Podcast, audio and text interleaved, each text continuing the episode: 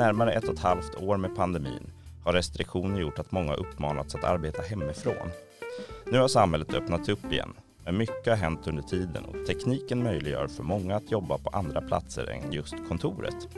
På många arbetsplatser planerar man nu för hur den framtida arbetsplatsen ska se ut. Gröna arbetsgivares chefsjurist Tina Nordenbrink. Hur kan framtidens kontor se ut?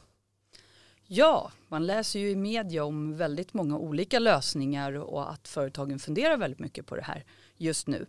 Och då är det allt ifrån att man lämnar kontoret helt och bara har hemarbete, det vill säga det som vi då kallar för distansarbete fullt ut, 100 procent.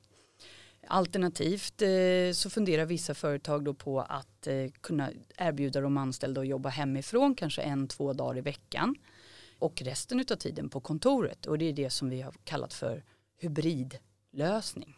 Vi utgår för enkelhetens skull för, från de här två exemplen som du tar upp här. Och om vi börjar då med, med den här hybridlösningen. Hur kan en hybridlösning utformas? Det är lite olika lösningar här som man kan använda sig av som arbetsgivare. Eh, antingen så kan man eh, låta de anställda arbeta fasta dagar, en dag i veckan eller två dagar i veckan eh, hemifrån. Alternativt så kan man ju också tänka sig en lösning där man låter de anställda lite mer fritt avgöra om det passar att jobba hemifrån ja, en eller två dagar i veckan. Finns det några krav på hur tidsfördelningen ska se ut? Nej, det gör det inte. Det är faktiskt upp till arbetsgivaren själv att bestämma vad som fungerar för verksamheten och de enskilda anställda deras önskemål också. Det hela en sån här lösning bygger ju på frivillighet och att parterna är överens om och att det passar båda parterna. Vad behöver man som arbetsgivare förbereda innan en sån här förändring? Ja, dels så behöver man ju göra en eh, riskbedömning ur arbetsmiljösynpunkt. Eh, man bör titta på hur har de anställda det hemma? Hur kan den enskilde individen så att säga, sitter de och jobbar vid köksbordet? Eller finns det skrivbord? Har man utrymme att ha kanske ett eget litet kontor hemma? Det ser ju väldigt olika ut hemma hos oss allihopa. Dessutom så utgör ju det här en eh, väsentlig förändring som man kallar det för enligt MBL. Därför behöver man förhandla en sån här lösning med de fackliga parterna. Och det innebär ju att de ska få vara med och lämna under en förhandling lämna synpunkter på hur det här ska utformas. Sen i slutändan så bestämmer ju ändå ni som arbetsgivare hur ni vill gå vidare. Men det ska förhandlas före beslut. Sen rekommenderar vi också att ska man ha en lösning där anställda ska sitta och jobba hemma en till två dagar i veckan så bör man skriva en sidoöverenskommelse till anställningsavtalet. Och den här sidoöverenskommelsen ska då reglera själva formerna för hemarbetet. Vad behöver en sån här sidoöverenskommelse innehålla? Ja, dels så bör den ju reglera i vilken omfattning som det här hemarbetet ska då ske. Är det en till två dagar i veckan? Är det fasta dagar? Dessutom så bör man ju reglera vad man avser med hemarbetsplatsen. Är det enbart i hemmet eller är det okej att man sitter i eh, sommarstugan eller arbetar i utlandsboendet? Därutöver så är det bra att reglera även att den huvudsakliga arbetsplatsen är kontoret. Och det här har ju att göra med eventuella driftsinskränkningar om man skulle behöva dra ner på verksamheten och just turordningsreglerna och vad som utgör en driftsenhet. Så att eh, vad som är den huvudsakliga arbetsplatsen och vad man avser med hemarbetsplatsen. En rekommendation är ju också att man har en uppsägningstid i den här sidoöverenskommelsen som är ömsesidig både för arbetstagaren och arbetsgivaren, lämpligtvis en månad. Och här måste man ju tänka till att om man säger upp den här sidoöverenskommelsen så innebär ju inte det att man säger upp anställningen som sådan. Utan det är ju bara sidoöverenskommelsen om själva hemarbetet som sägs upp. Så det innebär ju i praktiken att den anställde enbart ska arbeta från kontoret efter uppsägning. Finns det fall som gör att du som arbetsgivare inte kan besluta om hybridarbete? I grund och botten så är det ju arbetsgivaren som bestämmer var arbetet ska utföras ifrån. Men som jag sa inledningsvis här så är det ju ändå så att det här bygger på en frivillighet från både arbetstagarens sida och arbetsgivarnas sida. Och det innebär ju också att det måste fungera för arbetstagarna att faktiskt kunna arbeta hemifrån. Som arbetsgivare har man ju ett arbetsmiljöansvar även om personen sitter hemma och arbetar en, två dagar i veckan. Så att se över hur det verkligen fungerar och även att man har möjligheter att kontrollera att den anställde faktiskt mår bra och inte har psykiskt, att det inte innebär någon psykisk ohälsa eller så.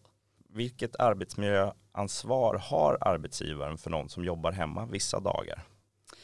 Ja, utgångspunkten är ju att så fort, så länge arbetstagaren utför arbete åt arbetsgivaren så har arbetsgivaren fullt ut arbetsmiljöansvar.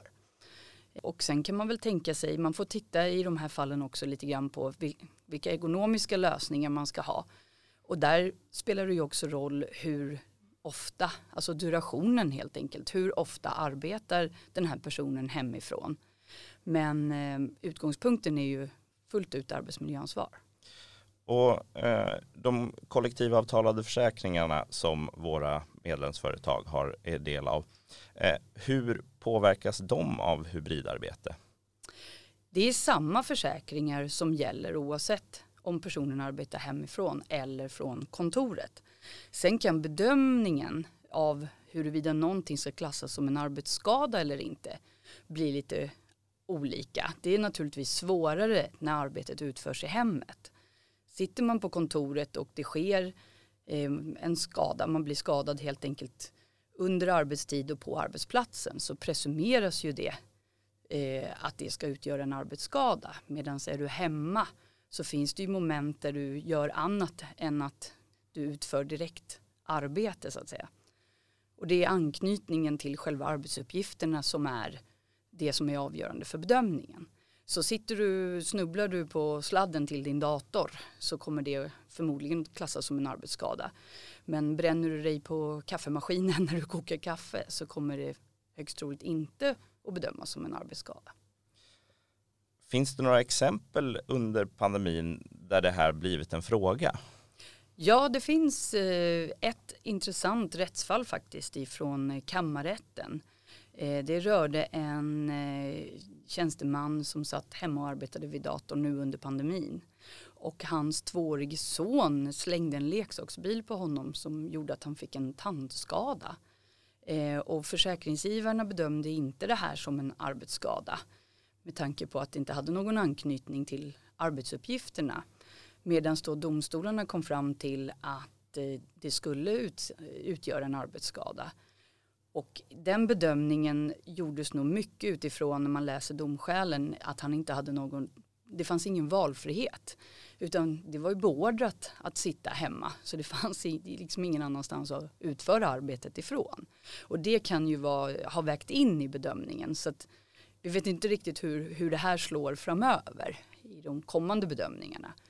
Men eh, det, vartefter hemarbete blir mer och mer eh, vanligt så kommer ju sådana här bedömningar att behöva göras i allt större utsträckning. Om, om både vi nu går över och tittar på de som ska gå över till fullt distansarbete, hur behöver man som arbetsgivare förbereda sig för en sån förändring?